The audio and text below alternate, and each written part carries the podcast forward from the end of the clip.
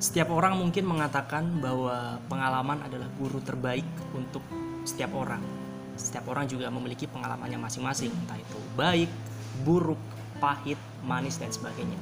So kali ini saya akan membahas sedikit mengupas terkait dengan pengalaman hidup, apalagi dikaitkan dengan yang namanya pendidikan. Ini sangat krusial sekali dan tidak seperti biasa. Kalau biasanya uh, saya monolog, saya sedikit berargumentasi sendirian dan kali ini ada tamu spesial yang bakal nemenin saya di podcast Meja Berkarya.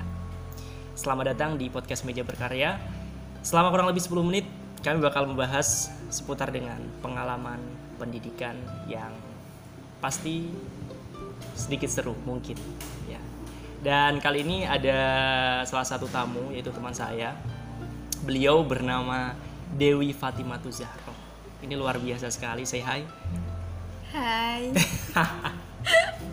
Aku grogi. Wah, oh dia nervous ternyata. Sama, saya juga nervous ya. Mungkin bisa perkenalan dulu sedikit background tentang Dewi Fatimah Zahra. Dewi Fatimah Zahra itu seperti apa sih? Backgroundnya seperti apa dan sebagainya? Um, Oke. Okay. Sebelumnya saya hello kepada teman-teman yang sering dengerin podcast Meja Berkarya.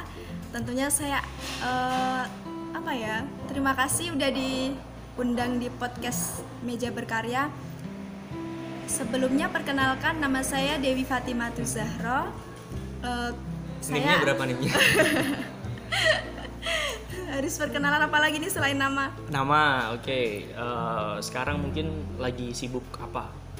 Sekarang tentunya sibuk skripsi. Skripsi. Ya, okay. Semester 8 berarti ya? Iya. Oke, jurusannya apa? Teknologi hasil pertanian. Teknologi hasil pertanian. Oke, ini cukup menarik sekali karena teknologi hasil pertanian mungkin uh, salah satu jurusan yang nggak terlalu diminati banyak orang gitu ya tapi kalau kita lihat lebih dalam tuh sebenarnya ini jurusan yang yang apa ya penting banget penting, gitu penting karena setiap orang butuh pangan ya, itu betul, betul sekali nggak bisa hidup tanpa pangan oke langsung aja ke oke sebelum sebelum kita masuk ke interview aku bakal ngasih kesempatan Dewi untuk menanyakan satu pertanyaan apa pun tentang podcast ini ataupun tentang aku sebagai podcaster di meja berkarya apa pun oke okay. sekarang saya mau bertanya uh, kenapa masih saja ingin hmm? berkarya lewat podcast padahal kita kayak pasti ada banyak orang yang mengatakan seperti ini buat apa sih kayak susah-susah buat podcast kayak menyempatkan waktu untuk hal-hal seperti itu padahal itu belum ada suatu bentuk apa ya impact berupa material kepada hmm. kita gitu ini kan banyak orang yang bertanya seperti itu nah itu alasan dari dari uh, saya ya. membuat membuat podcast ini ya. Itu berarti seperti apa? Uh, oke, okay, spesifik ke podcast berarti ya. Yeah. Pertama uh, yang jelas uh, eksistensi. Oke, okay, setiap orang butuh yang namanya diakui keberadaannya ya kan entah itu lewat apa pun lewat apa pun lewat YouTube, tulisan, podcast dan sebagainya. Kenapa saya memilih media podcast? Karena podcast itu sederhana, simple, dan aku punya asumsi uh, sekarang ini atau beberapa tahun ke depan podcast akan menjadi salah satu platform yang diminati banyak orang karena mendengarkan itu berbeda dengan menonton beda sama YouTube. Mendengarkan bisa di di apa namanya dilakukan ketika kita beraktivitas apa pun gitu. Memasak lagi di mobil dan sebagainya gitu. Jadi uh, saya kira ini salah satu platform yang yang yang cukup efektif untuk meng-share pemikiran saya terkait dengan apa pun itulah sebabnya kenapa saya masih atau apa bertumbuh di podcast ini. Gitu kurang lebih. Oke okay, okay. keren banget nih jawabannya berarti lebih kayak berarti lebih kayak ke memberikan dampak positif untuk orang lain ya meskipun uh, belum ada timbal balik dalam bentuk material uh, yang nyata kayak gitu. Iya iya iya. Okay. Khairun nas anfa'uhum linnas. Sip. Ini jadinya aku yang narasumber nih jadinya gitu. Oke, okay, boleh, okay. boleh langsung ke tema pembicaraan pada Oke, okay, tema pembicaraan kali ini terkait dengan pengalaman pendidikan sebenarnya uh, satu pertanyaan dulu yang ingin saya tanyakan. Apa sih alasan kamu uh, apa namanya? berpendidikan gitu? Apa sih alasan kamu uh, apa ya istilahnya ya?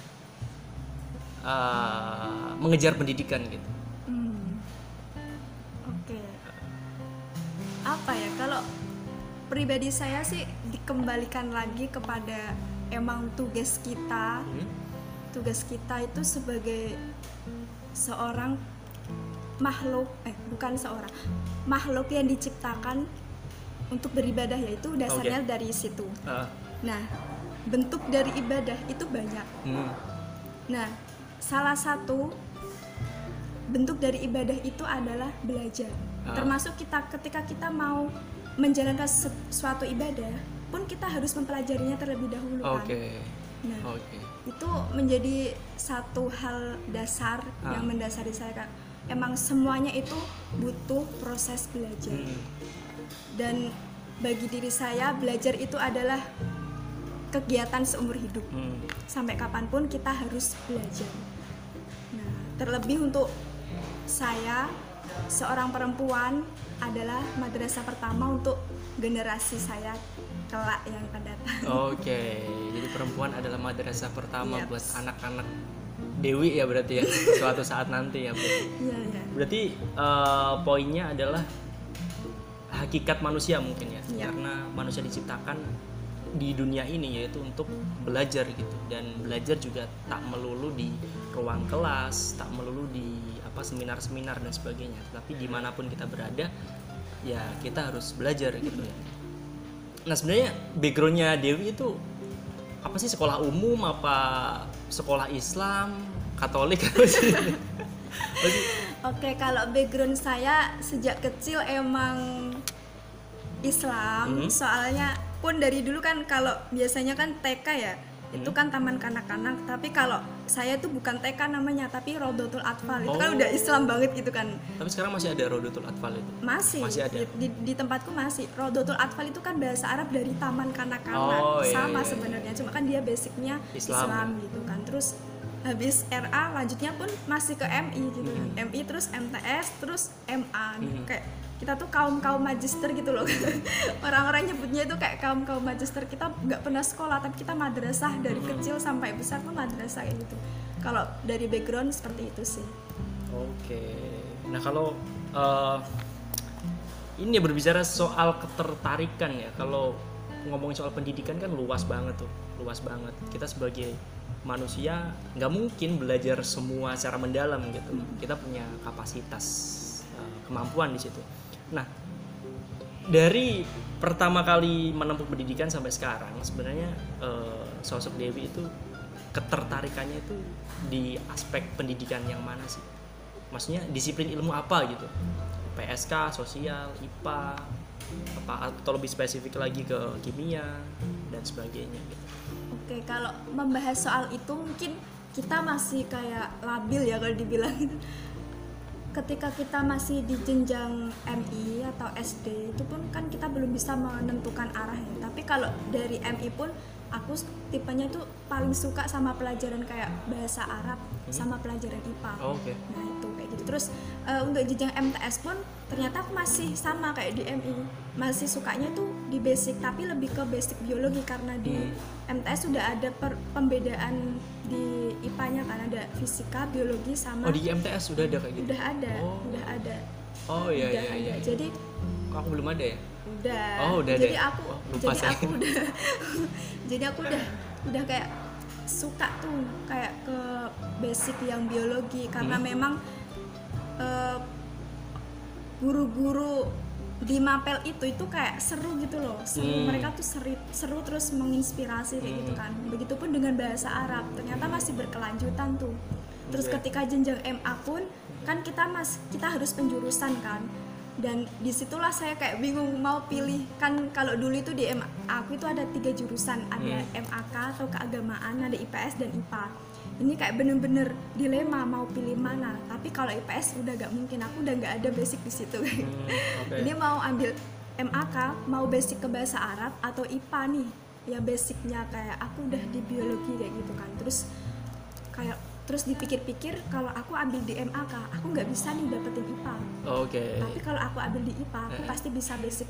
keagamaan masih bisa tapi nggak dalam kayak gitu kan Oh iya iya. terus ya udah akhirnya akulah nurutin tuh ambilnya ke IPA jadi basicnya kalau dari MA dulu tuh lebih ke biologi Oh iya. dan kebetulan beberapa event lomba olimpiade yang aku ikuti juga basicnya di biologi Hmm. terus untuk jenjang kuliah S1 sebenarnya dari dulu itu ambisnya ke kedokteran Hmm. tapi mungkin itu ambisnya kayak terlalu tinggi gitu ya tapi kurang apa kayak diri ini kayak belum siap Doanya masih kurang banyak ya, mungkin, mungkin ya. kayak gitu kayak belum siap mungkin ya Ah. terus jadi karena nggak keterima di beberapa jalur PTN tapi akhirnya keterima di jalur PTS dan karena emang basicnya udah di IPA ya udah ambilnya ke teknologi hasil Hmm. Hasil pertanian jadi kayak IPA itu kayak udah mendarah daging gitu Oke. mungkin gitu sih Oke, tapi gini sih apa eh, yang namanya pendidikan ya kalau ya apa pun itu kan ada beberapa komponen di dalamnya misalnya kayak guru, murid atau mungkin mata kuliah bukan mata kuliah mata pelajaran yang diambil gitu. Nah kadang orang-orang tuh dilematik gitu. Sebenarnya yang terpenting itu ketertarikan terhadap eh, mata pelajaran itu atau apa karisma si guru itu sehingga uh, apa namanya impact atau pengaruh mencerdaskan murid-muridnya itu lebih kelihatan gitu sebenarnya yang paling penting itu apa sih kalau menurut Dewi sendiri oke tapi ini just my opinion ya oke just your opinion Heeh. Kalau menurut saya pribadi sih, yang pertama pastinya pengaruh dari guru. oke Karena apa ya? Karena guru itu kan sosok yang bisa digugu dan ditiru. Kalau orang Oh. Jawa kan bilangnya kayak gitu. Hmm. Jadi setelah kita benar-benar mendapatkan seorang sosok yang bisa digugu dan ditiru itu tadi, otomatis kita kayak tertarik dengan mata pelajar yang mata pelajaran yang mereka beliau sampaikan kepada kita kayak gitu. Itu kalau menurut saya sih kayak gitu. Soalnya pun eh, dari pengalaman saya dulu ketika saya suka dengan pelajaran bahasa Arab maupun biologi itu emang karena dari guru-gurunya itu asik gitu Heeh, asik cara penyampaiannya enak terus kayak selain selain memberikan ilmu itu juga memberikan motivasi motivasi kehidupan motivasi dan lain sebagainya kayak gitu.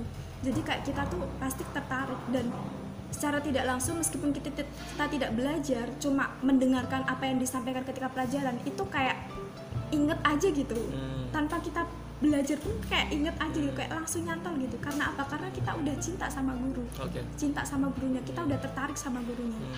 kan ada ada kata-kata kayak gini kan kalau kamu mau mencintai suatu ilmu maka cintailah terlebih dahulu gurumu oke kayak gitu nah Iya, iya. itu emang bener banget dan i- dan saya pun mengalaminya seperti itu Oke, jadi aspek yang krusial itu guru itu sendiri Iya. ya. Ket- Ya mungkin bisa jadi kita belum minat nih, belum ada ketertarikan dengan mata pelajaran A misalnya, tetapi gurunya kok asik banget gitu. Nah, secara tidak langsung itu juga bakal mempengaruhi ketertarikan kita dengan mata kuliah itu sendiri gitu. Dan bener banget sih. Bahwa ketika kita jadi guru misalnya ya, jadi kita bukan hanya apa ya nge-share apa yang kita tahu terkait dengan disiplin ilmu yang disampaikan doang, tetapi harus ada sikap apa ya motivatif, ya kan? Motivasi ke murid-muridnya atau mungkin pendekatan secara emosional gitu sangat sangat penting sekali ya. Karena gini sih yang aku rasakan entah itu di jenjang apa sekolah dasar, menengah dan kuliah ini banyak guru-guruku guru-guru tuh yang kayak pinter banget tuh secara akademis. Mungkin kimia nih, wah kimia luar biasa secara akademis, penjelasannya luar biasa bla bla segala macem. Cuman eh, apa ikatan emosional antara guru dan murid itu seakan-akan tuh renggang, Belum ada. belum ada karena ya mungkin gurunya kurang memberikan motivasi Iya. atau mungkin kurang memperlihatkan kasih sayang terhadap apa murid itu sendiri sehingga ada kayak kayak apa ya kayak kayak jeda di antara guru sama murid gitu. Belum bisa menyatu. Belum bisa menyatu. Dan itu mungkin pernah kamu rasakan Pasti. beberapa kali? Banyak Pastinya kali ya? banyak kali Pasti. gitu. oke oke oke. Tapi ini eh, apa ngomongin soal jurusan yang kamu ambil sekarang nih soal teknologi hasil pertanian sebenarnya motivasi dasar kamu mengambil jurusan ini apa sih? Apakah sebatas karena suka IPA ya udah kalau masuk. motivasi sebenarnya dulu malah nggak ada motivasi untuk ambil jurusan ini. Mungkin karena dari keterpaksaan adanya jurusan basic IPA itu ini ya udah aku ambil. Cuma kan kayak ini kita udah terjun masa mau separuh-separuh kayak gitu Oh, kan? iya. ya udah dalemin aja kayak gitu kan. Terus terus kayak ternyata di jurusan ini tuh kayak ada mata kuliah yang basicnya itu Hmm. mikrobiologi sama gizi kan. Oke. Nah, sedangkan dulu itu kan aku ambilnya itu kan sebenarnya jurusannya juga ngarahnya ke situ. Ah. Terus kayak ya udah kita bisa fokus di bidang ini kayak gitu. Jadi ya kemungkinan siapa tahu nih nanti saya bisa lanjut studi S2 Ah. amin. Jadi kayak mau fokus ke gizinya mungkin karena emang udah relate sama apa yang difokuskan sekarang pada penelitian skripsinya kayak Oke, gitu sih. oke. Jadi awalnya mungkin belum ada ketertarikan, ya, Iya. sedikit ketertarikan, terus seiring berjalannya waktu ada gitu yang muncul ya, ketertarikan, terus ada minat untuk mempelajari lebih dalam soal teknologi pangan itu sendiri, bahkan sampai uh, ada keinginan untuk lanjut S2. Iya, Oke. Planning udah ada nih, insya Allah. insya Allah udah ada ya planningnya. Jadi yang mau diambil, insya Allah ya masih masih relate sama teknologi pangan berarti. Iya. teknologi hasil pertanian. Oke. Ada yang ingin ditanyakan? Oke, berarti kita Jadi saling bertanya ya. Saling bertanya sa- aja. Oke, saya mau tanya nih. Hmm. Hmm, apa yang membedakan ketika eh, saya panggilnya apa ya? Kak. Oh, Oke, terserah.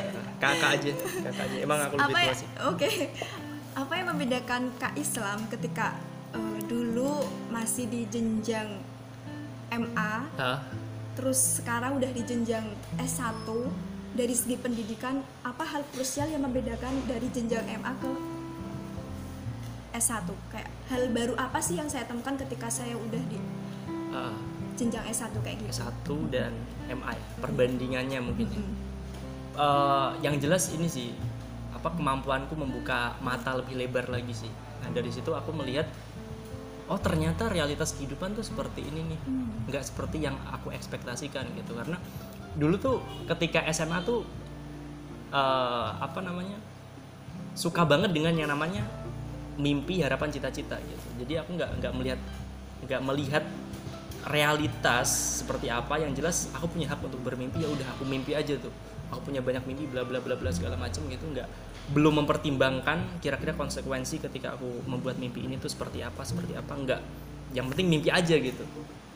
Tapi ternyata ketika masuk di jenjang perkuliahan oh kok ada banyak hal yang harus dipertimbangkan gitu ada banyak hal yang harus dipikirkan. Ternyata merealisasikan mimpi itu nggak semudah ketika kita dulu ngupil gitu loh nggak semudah ngupil gitu loh. Jadi susah susah susah tapi bisa gitu kan. Iya. masih masih sangat bisa untuk dicapai. Makanya yang yang sangat membedakan secara signifikan yaitu eh, apa kemampuan membuka mata lebar-lebar itu jadi aku lebih lebih melihat oh realitas seperti ini. Oh iya iya, iya. oke sekarang saya mau tanya lagi. Oh, iya. seberapa penting pendidikan bagi Kak Islam nih? Sangat sangat sangat sangat penting. Why karena ya jawaban pertama seperti yang yang dikatakan Dewi sih. Hakikat manusia itu belajar gitu. manusia diciptakan di bumi ya untuk belajar. Apa pun bentuknya di mana pun tempatnya siapa pun gurunya ya ya kita kita harus belajar gitu. Aku nggak apa ya aku pernah pernah dengar eh, perkataan siapa aku nggak tahu sih agak lupa sih. Kayaknya di di di dalam agama Islam juga mengatakan bahwasanya ketika menjadi manusia sebisa mungkin hari sekarang itu harus lebih baik daripada hari kemarin. Iya. ya kan? Dan hari besok itu harus jauh jauh jauh lebih baik daripada hari sekarang, Sekarang. nah proses itu proses itu ya nggak bisa jauh-jauh dengan yang namanya pendidikan. Nggak bisa jauh-jauh dengan apa yang yang kita pelajari gitu. Apa pun apa pun passion kita apa pun yang kita minati ya ya itu yang harus kita pelajari gitu. Makanya pendidikan itu satu aspek di dalam kehidupan manusia yang sangat krusial banget gitu. Jangan sampai lah ditinggalkan gitu jangan sampai menyepelekan pendidikan itu sendiri. Bagaimanapun caranya. Ada pertanyaan lagi? Ini sebenarnya yang host sama narasumber siapa sih? Enggak sih kita eh, kita ngobrol. Saling sharing iya aja, saling sharing aja sih karena eh, apa ini sih prinsipnya pendidikan kalau menurutku dialog dialog sih antara guru sama murid. Bisa jadi di ini sih di, di sini di ruangan ini aku menjadi muridnya si Dewi ini Hmm. nah bisa jadi sebaliknya. Dewi itu menjadi muridku gitu di di aspek lain gitu. Jadi eh, eh, apa namanya? Kita saling mengisi ah, sama- saling saling mengisi peran satu sama lain gitu.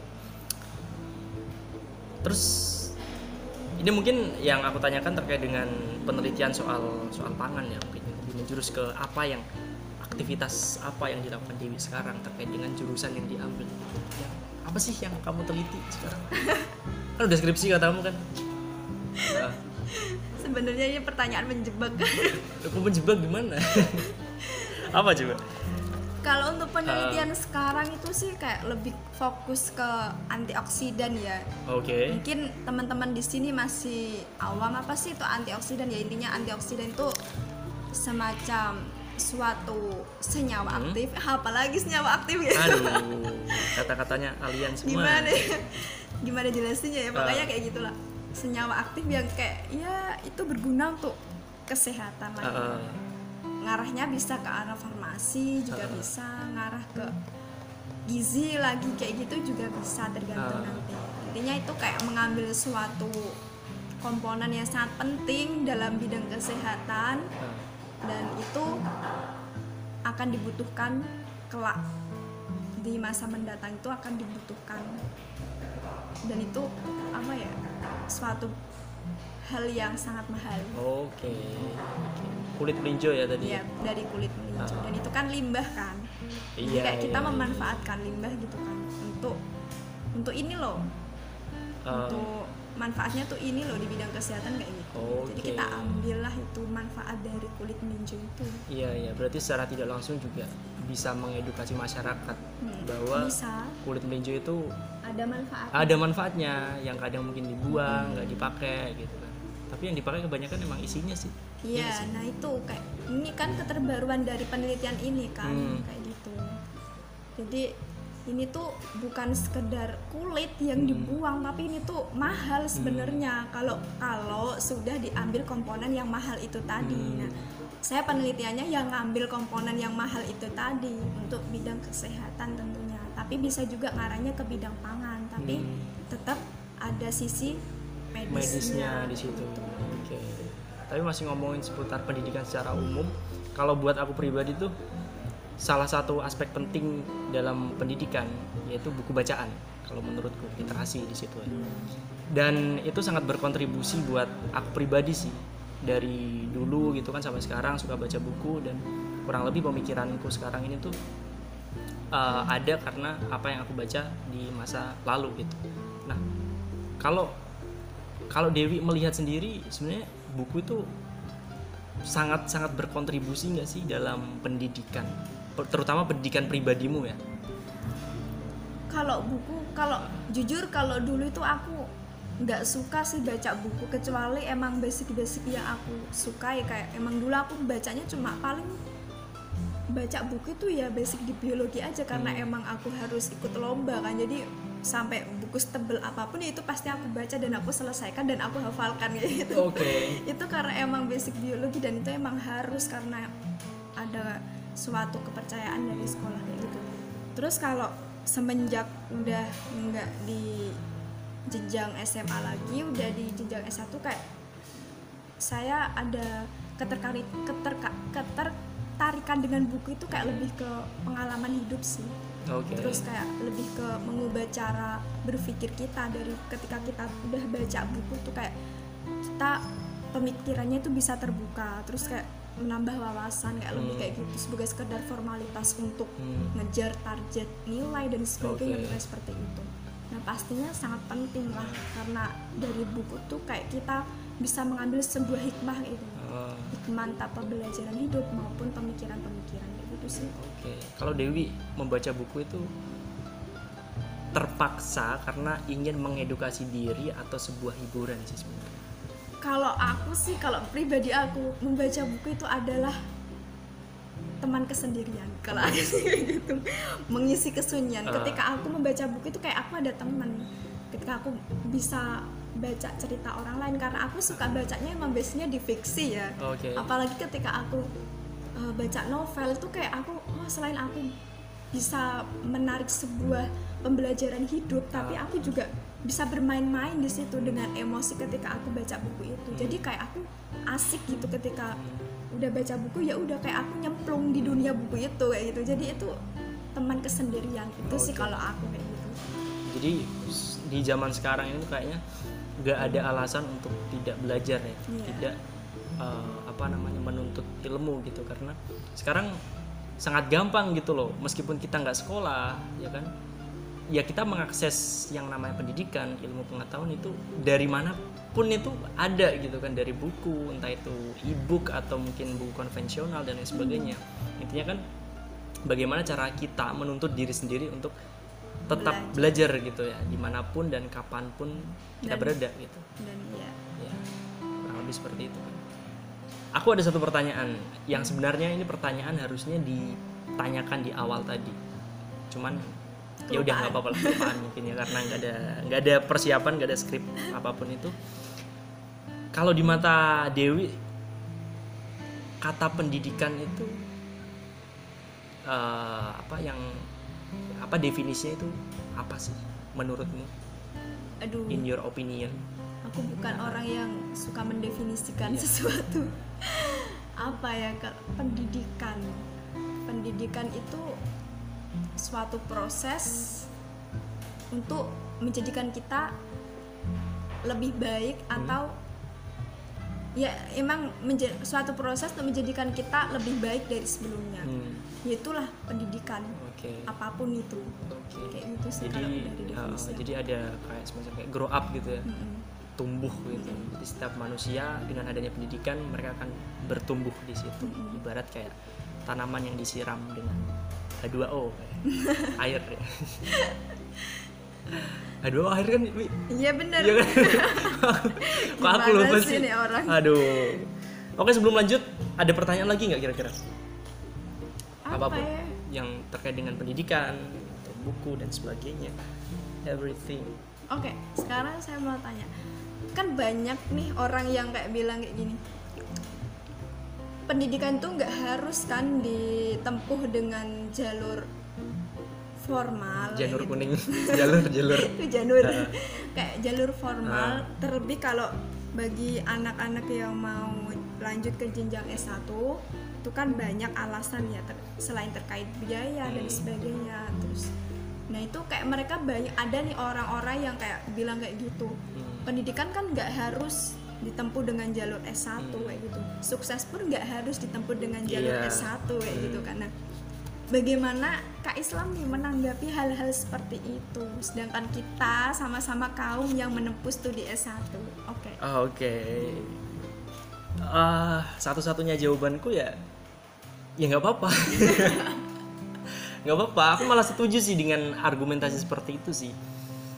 Ah, pendidikan itu bukan terkait, bukan perihal gedung-gedung, bukan perihal ah, apa namanya guru yang pakai jas, yang yang ketika presentasi harus pakai proyektor dan sebagainya ya di mana pun kita berada, di mana pun kita ngobrol, ya itu ibaratkan sebuah sekolahan gitu. Apa pun yang bisa kita ambil ya kita ambil, apa pun yang kita bisa kita filter gitu ya, kita saring, ya kita saring. Meskipun pada akhirnya eh, apa ya, kita akan eh, memiliki kayak pergulatan pikiran gak sih? Kadang kan seperti itu ya ketika kita menemukan beberapa pemikiran yang pemikiran yang berbeda dengan pemikiran kita kita ada kayak pergulakan pemikiran dan setelah itu akan memunculkan pemikiran yang baru di situ. Nah itulah produk daripada pendidikan. Dan itu bisa jadi positif bisa jadi negatif. Poinnya sih ya di mana pun kita berada eh, ya ya kita tetap tetap sekolah gitu. Jadi nggak nggak melulu soal pendidikan formal doang gitu. Jadi ya ya yang ya nggak apa-apa. Tapi ya mm, mungkin uh, buat teman-teman yang punya pemikiran pendidikan ya, ya harus harus formal harus ada gedungnya harus ada SPP-nya dan sebagainya. Ya ya kalau ada nggak ada pertimbangan ekonomi ya ya monggo saja. Itu malah lebih baik gitu loh. Karena ada guru yang berkompeten di situ dan itu udah tersertifikasi gitu. Udah ada gelarnya dan sebagainya. Lebih ada jaminan lah seperti itu. Tapi misalnya nggak ada misalnya ada apa kelemahan secara ekonomi ya ya apa pun cara cara kamu untuk untuk belajar ya ya lakukan aja. Gitu. oke oke. Like that like tapi this. eh, tapi nggak jarang juga nih kak kayak menurut Kak Islam sendiri tuh kayak bisa dibedakan nggak sih antara output dari yang udah melalui proses pendidikan jenjang S1 dengan mereka-mereka yang hanya belajar dengan keadaan lingkungan sekitar Hmm. itu bisa dibedakan dibandingkan nggak sih Hmm. kayak gitu? dari Kak Islam sendiri seperti apa? Eh, kalau perbandingan itu aku kira ada sih cuman kalau aku membandingkan mana yang lebih baik outputnya yang lebih baik mana aku belum bisa mengatakan yang man, yang yang apakah yang for- sekolah formal itu lebih baik apakah yang nggak sekolah formal itu lebih baik. Karena faktanya juga banyak kok orang-orang yang nggak sekolah formal tapi secara secara apa namanya pekerjaan itu lebih sukses secara akademis pun bisa jadi lebih sukses. Iya, iya. banyak seperti itu. Tapi juga di sisi lain juga banyak orang-orang yang ya lebih banyak lagi mungkin ya orang-orang yang yang udah menempuh jalur formal ya kan.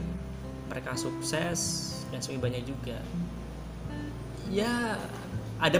Ah, sedikit banyak ada perbandingan tapi aku nggak bisa mengatakan mana yang lebih baik mana yang lebih buruk sih tapi ada ada ada, ada perbandingan lah seperti itu. Ada perbedaan. ada perbedaan ya ada perbedaan Oke. Iya. kalau kamu sendiri gimana Kalau aku sih, kalau aku sih iya bener sih kayak tadi emang kayak nggak bisa dikatakan mana yang lebih baik kayak gitu kan. Tapi bagi aku sendiri di jenjang S1 itu kayak kita mengupgrade kualitas diri. Karena Oke. apa? Karena ya emang di lingkungan S1 itu kita bertemu dengan banyak orang yang expert, banyak orang yang emang udah melalui proses panjang kayak gitu dengan orang-orang yang pokoknya orang berbagai macam bentuk pemikiran dan sebagainya kayak gitu jadi emang bisa bisa dibedakan sih antara output yang sudah melalui proses S1 tapi itu bagi orang-orang yang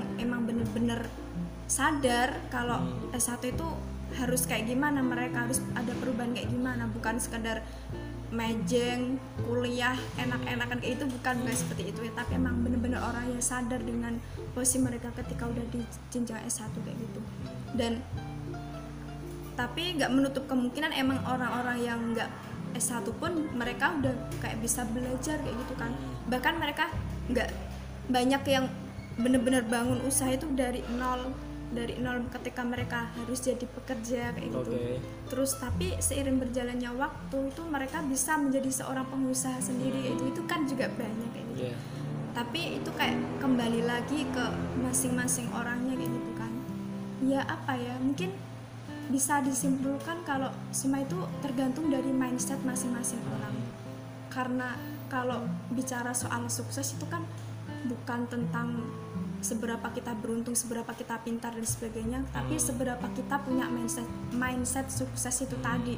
Jadi kalau kita udah punya mindset mindset sukses, baik kita udah di jenjang S1 maupun tidak, pun kayak kita bisa memanfaatkan waktu, bisa memanfaatkan kondisi, bisa memanfaatkan apa pun yang ada di lingkungan kita. Ini itulah mindset mindset orang-orang sukses kan kayak gitu, bisa mencari peluang. Nah, itu berarti kayak kembali lagi ke mindset orang-orang yang bisa memperbandingkan itu tadi adalah mindset orang-orang itu tadi Oke. kayak gitu. tapi tetap nggak nggak kelihatan mungkin ya Iya. mindset ya Mm-mm. di dalam otak tapi gini sih aku punya pemikiran yang eh, secara langsung ketika SMA dulu tuh di didoktrin tiap hari terus terpatri lah dalam otakku yang terpenting dari pendidikan itu jangan sampai tujuan menuntut ilmu itu untuk mencari pekerjaan Iya, jangan emang. sampai kuliahmu itu goalsnya goals paling pertama itu mendapatkan pekerjaan Kerjaan. karena esensi dari pendidikan atau ilmu pengetahuan sebenarnya bukan di situ itu cuman apa ya eh, mungkin poin kesekian lah Mm-mm. setelah lulus nanti nggak menjadi eh, salah satu tujuan yang paling mendasar atau tujuan yang yang paling utama dalam suatu pendidikan itu sendiri oke Eh, mungkin itu aja sih diskusi ringan Jadi random ya ini pembicaraannya. sedikit meluas tapi ya ya nggak apa-apa lah ya mungkin teman-teman yang mendengarkan bisa mendapatkan ibrah ibrah itu apa sih Hikmah. hikmah benefit yang suatu didapatkan yang apa ya? Suatu hal yang bisa diambil pelajaran itu Mm-mm. ibroh kayaknya. Iya betul banget. Ya dan buat teman-teman yang stay tune terus nungguin uh, podcast meja berkarya, pokoknya dengerin terus karena uh, saya bakal insya Allah ya memproduksi podcast podcast yang mungkin saja bermanfaat buat teman-teman semua gitu. Amin amin. dan uh, kalau misalnya ada apa namanya perbedaan opini nih aku nggak sepakat dengan yang dikatakan Mbak Dewi aku nggak sepakat dengan uh, apa yang dikatakan saya gitu kan. Ya karena podcast nggak bisa nggak bisa dialog ya. Gimana caranya gitu. Bisa langsung DM aja ke ke apa Instagramnya Mbak Dewi apa? Dewi Fatimah Zahra. Oke, okay. atau Instagram saya yaitu @islamisme1. Seperti itu. So, terima kasih sudah mendengarkan. Terima kasih. Sampai jumpa. Salam literasi. bye bye.